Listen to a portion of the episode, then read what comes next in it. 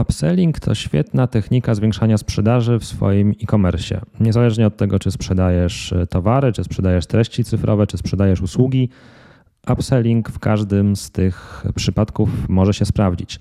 Ale z upsellingiem związane są pewne wyzwania prawne i o tych wyzwaniach prawnych chcę opowiedzieć Ci właśnie dzisiaj podczas naszego spotkania.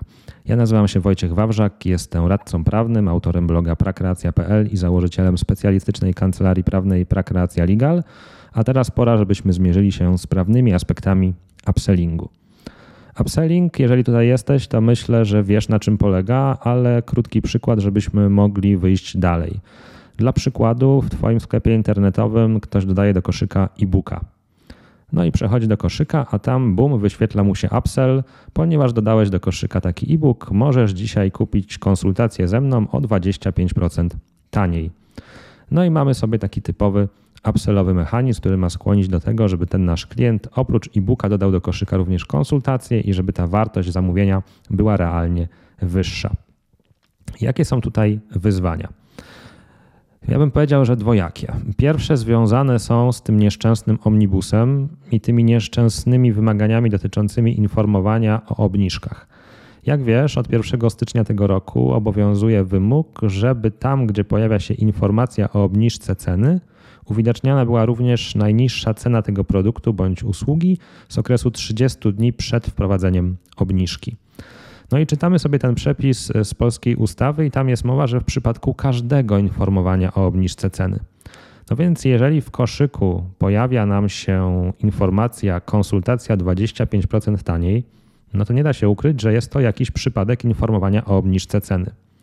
No idąc tym tropem, należałoby przyjąć, że trzeba pokazać najniższą cenę tej konsultacji z okresu 30 dni przed obniżką.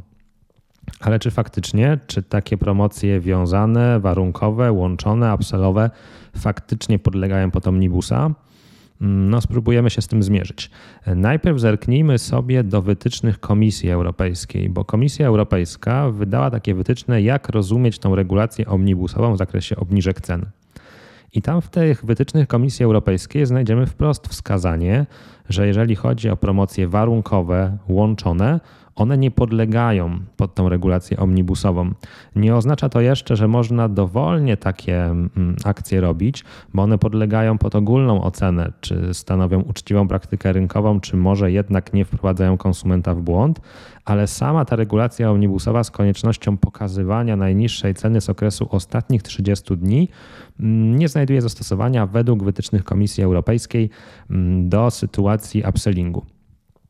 Co więcej, w tych wytycznych Komisji Europejskiej pojawia się również takie sformułowanie jak obniżki, które nie były wcześniej komunikowane, a pojawiają się dopiero na etapie zakupu. No i powiedziałbym, że upsell jest właśnie takim typowym przykładem takiej obniżki, no bo nie ma nigdzie wcześniej na stronie internetowej informacji o jakiejś promocji, jakiejś obniżce ceny. Dopiero jak użytkownik doda e-booka w koszyku, to pojawi mu się informacja, że może kupić konsultację 25% taniej. No i poprzestając tylko na tych wytycznych Komisji Europejskiej, należałoby przyjąć, że nie ma się czym martwić, tutaj omnibus nie znajduje zastosowania. Ale wytyczne Komisji Europejskiej nie są prawem obowiązującym w Polsce.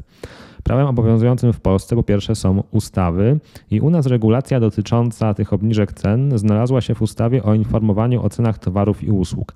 Znalazła się tam w wyniku implementacji dyrektywy Omnibus, tylko że ta nasza regulacja jest trochę bardziej restrykcyjna, bo tak jak mówiłem, w przepisie pojawia się, że ten obowiązek uwidaczniania najniższej ceny dotyczy każdego przypadku informowania o obniżce ceny. Nie ma tam nigdzie mowy o tym, czy to jest promocja warunkowa, czy to jest promocja łączona, czy to jest upsell, czy to jest przed zakupem, czy na etapie koszyka. Nie ma takich mm, doprecyzowań. Z przepisów wynika, że w przypadku każdego informowania o obniżce ceny trzeba pokazywać najniższą cenę danego produktu z okresu 30 dni przed wprowadzeniem obniżki.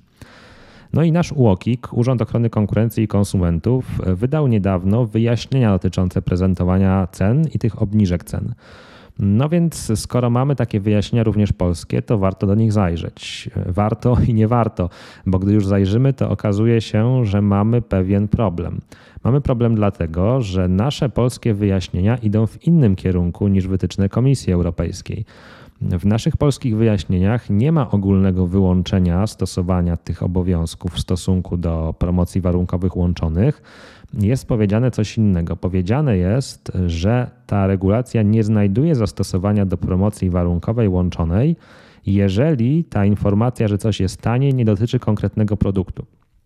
Czyli w naszym przykładzie, jeżeli mamy informację, że konsultacja jest 25% taniej, to jednak ta informacja o obniżce ceny, o tym 25% taniej, dotyczy konkretnej usługi, konsultacji.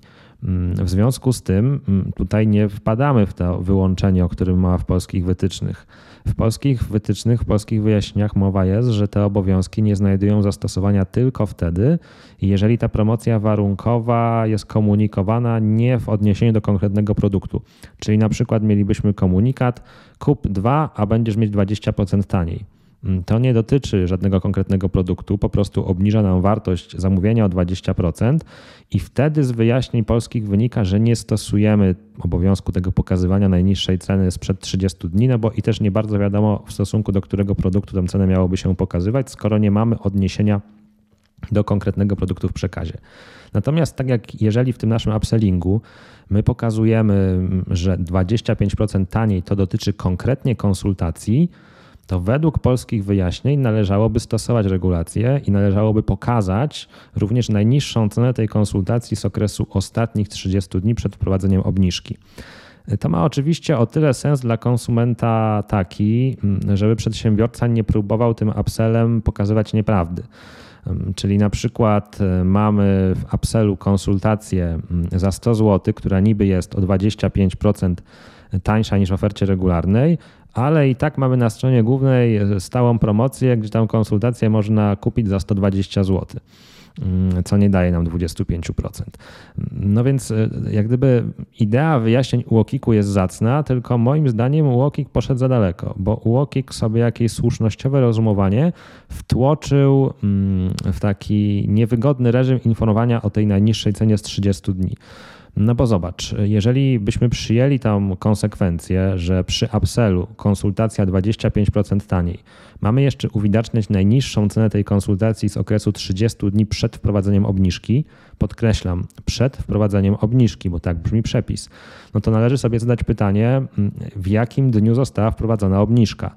No bo przecież e, ten upsell może zadziałać w dowolnym momencie. Ja mogę dzisiaj dodać do koszyka e-book i dzisiaj mi się pojawi ta propozycja zakupu konsultacji 25% taniej, ale mogę to równie dobrze zrobić za dwa miesiące i też mi się pokaże, bo to nie jest jakaś akcja ograniczona w czasie.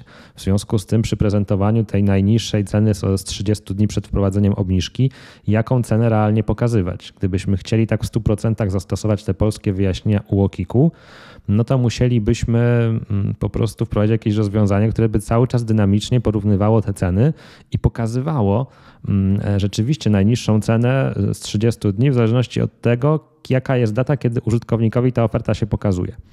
Dość absurdalne, prawda? Ciężko sobie wyobrazić, żeby takie rozwiązanie techniczne faktycznie można było skutecznie wdrożyć. Ale ten absurd idzie jeszcze dalej, no bo pamiętaj, że to nie chodzi tylko o to, żeby pokazać najniższą cenę sprzed ostatnich 30 dni, ale chodzi o to również, żeby tą cenę, która jest ceną konsultacji z tej promocji, czyli 25% taniej, pokazywać również według UOKiK-u przy innych obniżkach cen tej konsultacji. Czyli na przykład, jeżeli Oprócz tej upsellingowej ceny będziesz mieć jakąś inną promocję na tą konsultację, mm, jakąś na przykład 10% taniej tylko dzisiaj, to pokazując to 10% taniej tylko dzisiaj, musiałbyś również pokazać tą najniższą cenę wynikającą z tej promocji upsellingowej. Mm, tak niestety wynika z wyjaśnień UOKiK-u, co powoduje, że zastosowanie tej konstrukcji w życiu no, wydaje się mocno, mocno absurdalne. No i tu jest taki problem, że o ile w wytycznych Komisji Europejskiej mieliśmy wzmiankę o tych informacjach o obniżce niekomunikowanych wcześniej, tylko stosowanych w momencie zakupu, o tyle w przypadku naszych polskich wyjaśnień tego wątku w ogóle nie ma. Walking go pomija, no i pytanie, jak to interpretować. Moim zdaniem, jedynym zdrowym, rozsądkowym podejściem do tego jest przyjęcie, że nie, nie znajduje zastosowania ta regulacja dotycząca pokazywania najniższej ceny sprzed 30 dni przed wprowadzeniem obniżki do upsellu, który pokazuje się dopiero na etapie koszyka. Bo jeżeli byśmy przyjęli, że się to stosuje, to mielibyśmy te absurdy, o których wspomniałem. Dlatego moim zdaniem w duchu interpretacji europejskiej Do upsellów nie ma konieczności pokazywania najniższej ceny sprzed ostatnich, sprzed 30 dni przed wprowadzeniem obniżki, ale zastrzegam, że jest to tylko moje zdanie i moja opinia. UOKiK może mieć inne zdanie i jak tak się czyta te wyjaśnienia wydane przez UOKiK, to można dojść do wniosku, że w ogóle strach robić promocje i obniżki, bo UOKiK zdaje się wszędzie widzieć jakiś problem. I też nie chcę mówić, że każdy upsell można dowolnie skonstruować. Nie chodzi mi o to, żeby dać przedsiębiorcom wolność w konstruowaniu i manipulowaniu upsellami, bo tak jak słusznie zauważył prawodawca europejski, oprócz tej regulacji stricte omnibusowej dotyczącej pokazywania najniższej ceny sprzed 30 dni przed wprowadzeniem obniżki, mamy jeszcze ogólną nieuczciwą praktykę rynkową. Dlatego moim zdaniem nie byłoby konieczności pokazywania najniższej ceny, ale nadal byłaby konieczność, żeby te upselle rzeczywiście były zgodne z rzeczywistością i nie wprowadzały w błąd. Czyli żeby rzeczywiście o 25% taniej było taniej, a nie tak naprawdę było taką samą ceną, co w ofercie regularnej, bądź jakąś delikatnie mniejszą, ale wcale nie o 25%. Hmm, uważam, że to jest bardziej słuszny kierunek argumentacji Czyli nie skupianie się na pokazywaniu najniższej ceny sprzed 30 dni, tylko uczynienia po prostu tego upsella rzeczywiście uczciwym. Natomiast tak jak wspomniałem, z wyjaśnień UOKiK-u wynikałoby, że nawet w przypadku upsella stosowanego na etapie koszyka należy pokazywać tą najniższą cenę sprzed 30 dni i również tą cenę z upsellowanej konsultacji uwzględniać w informowaniu o najniższej cenie przy innych obniżkach. Także ja mam inne zdanie, UOKiK ma inne zdanie. Decyzja oczywiście finalna należy do ciebie, pamiętając, że to UOKiK jest ewentualnie tym podmiotem kontrolującym i trzeba będzie go przekonać mm, do swoich racji, gdyby jednak stawiał jakieś zarzuty. Na początku tego odcinka powiedziałem, że takie są dwa aspekty tego upsellingu i ten pierwszy aspekt przed chwilą omówiłem, czyli ten aspekt związany z uwidacznianiem najniższej ceny sprzed 30 dni. Ale są jeszcze takie metody i mechanizmy upsellowe, które zakładają niekoniecznie pokazywanie na etapie koszyka, co na przykład wysyłkę maila do klienta po tym, jak coś kupi. Czyli wkładasz do koszyka e-book, finalizujesz zamówienie, płacisz za e-book i potem przychodzi do ciebie mail. Dzisiaj bądź następnego dnia, ponieważ kupiłeś u nas e-booka, możesz kupić konsultację 25% taniej. I tu wkraczamy w jeszcze inny wątek, bo oprócz tego wątku pokazywania najniższej ceny, wkraczamy jeszcze w wątek zgody marketingowej. Jeżeli ktoś od nas kupił e-book, ale jednocześnie nie wyraził zgody marketingowej, to my nie możemy mu zgodnie z prawem wysłać potem zachęty do zakupu konsultacji, bo jest to przekaz marketingowy. Na taki przekaz marketingowy wysyłany pocztą elektroniczną trzeba mieć oddzielną zgodę. Zgodę na przesyłanie informacji handlowych, zgodę na wykorzystywanie telekomunikacyjnych urządzeń końcowych dla celów marketingu bezpośredniego. Jeżeli chcesz, żeby do Twojego klienta mógł wyjść zgodnie z prawem taki mail, o tym kupiłeś e-book, kup jeszcze konsultację, to musisz mieć tego swojego klienta w bazie marketingowej z ważną zgodą marketingową. Na przykład na etapie formularza zamówienia możesz dodać dodatkowy checkbox, że ktoś zgadza się na otrzymywanie informacji o nowościach, promocjach, produktach, usługach związanych z Twoim sklepem. Jeżeli ktoś zaznaczy ten checkbox w ramach zamówienia, to potem będziesz mógł do niego takie działania marketingowe kierować. Ale jeżeli ktoś nie zaznaczył takiego checkboxa albo w ogóle tego checkboxa nie było, to taka automatyczna wysyłka kolejnej zachęty marketingowej do kogoś, kto nie wyrażał zgody marketingowej, jest niestety naruszeniem przepisów prawa. I ja wiem, wielu przedsiębiorców tak robi, wielu przedsiębiorców jedzie po bandzie i faktycznie jakoś to działa i nie mają problemów, ale jeżeli chcesz rzeczywiście podejść do tego rzetelnie i tak w 100% zgodnie z przepisami prawa, to pamiętaj, że na taki upselling mailowy konieczna jest zgoda marketingowa i nie można się opierać tylko na fakcie, że ktoś coś u ciebie kupił. Zresztą wyobraź sobie tę sytuację sam, jak jesteś konsumentem. Kupujesz coś w sklepie internetowym, do, dokonałeś płatności, masz produkt i nagle przez tydzień przychodzą do ciebie kolejne maile. Kup jeszcze to, kup jeszcze tamto, kup jeszcze to. E, podoba ci się to? No być może, jeżeli to są jakieś produkty, które faktycznie cię interesują, no to jeszcze ujdzie. Ale jeżeli staje się to zbyt nachalne, no to samego cię denerwuje, prawda? E, pomyśl o tym też, wdrażając swoje rozwiązanie w sklepie. Moim zdaniem twój kupujący powinien mieć możliwość zdecydowania, czy on chce dostawać w przyszłości od ciebie oferty, czy nie chce takich ofert od ciebie dostawać. Oczywiście możesz go do tego skłaniać jakimiś dodatkowymi korzyściami, na przykład e, jakimś rabatem na kolejne zamówienie, jeżeli wyrazi taką zgodę marketingową, ale to już opowieść na zupełnie inny odcinek. Na dzisiaj chciałbym, żeby zapamiętać z tego naszego spotkania to, że upsellingi mają takie dwa aspekty prawne. Pierwszy aspekt prawny jest związany z omnibusem i z tą regulacją dotyczącą uwidaczniania najniższej ceny sprzed 30 dni przed wprowadzeniem obniżki, a drugi aspekt to jest aspekt rodowski, aspekt legalnego marketingu, jeżeli ten upselling związany jest również z wysyłaniem jakichś wiadomości mailowych. To wszystko na dzisiaj, co chciałem Ci opowiedzieć. Dziękuję za uwagę, dziękuję za cierpliwość.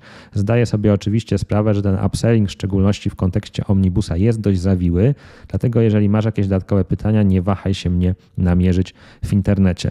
Jeżeli oglądasz ten odcinek na YouTubie, zostaw łapkę w górę, zostaw subskrypcję, to będziemy w kontakcie stałym. A jeżeli słuchasz na przykład w Spotify'u, będę wdzięczny za pozostawienie oceny. Wielkie dzięki, do usłyszenia, do zobaczenia, trzymaj się ciepło, cześć.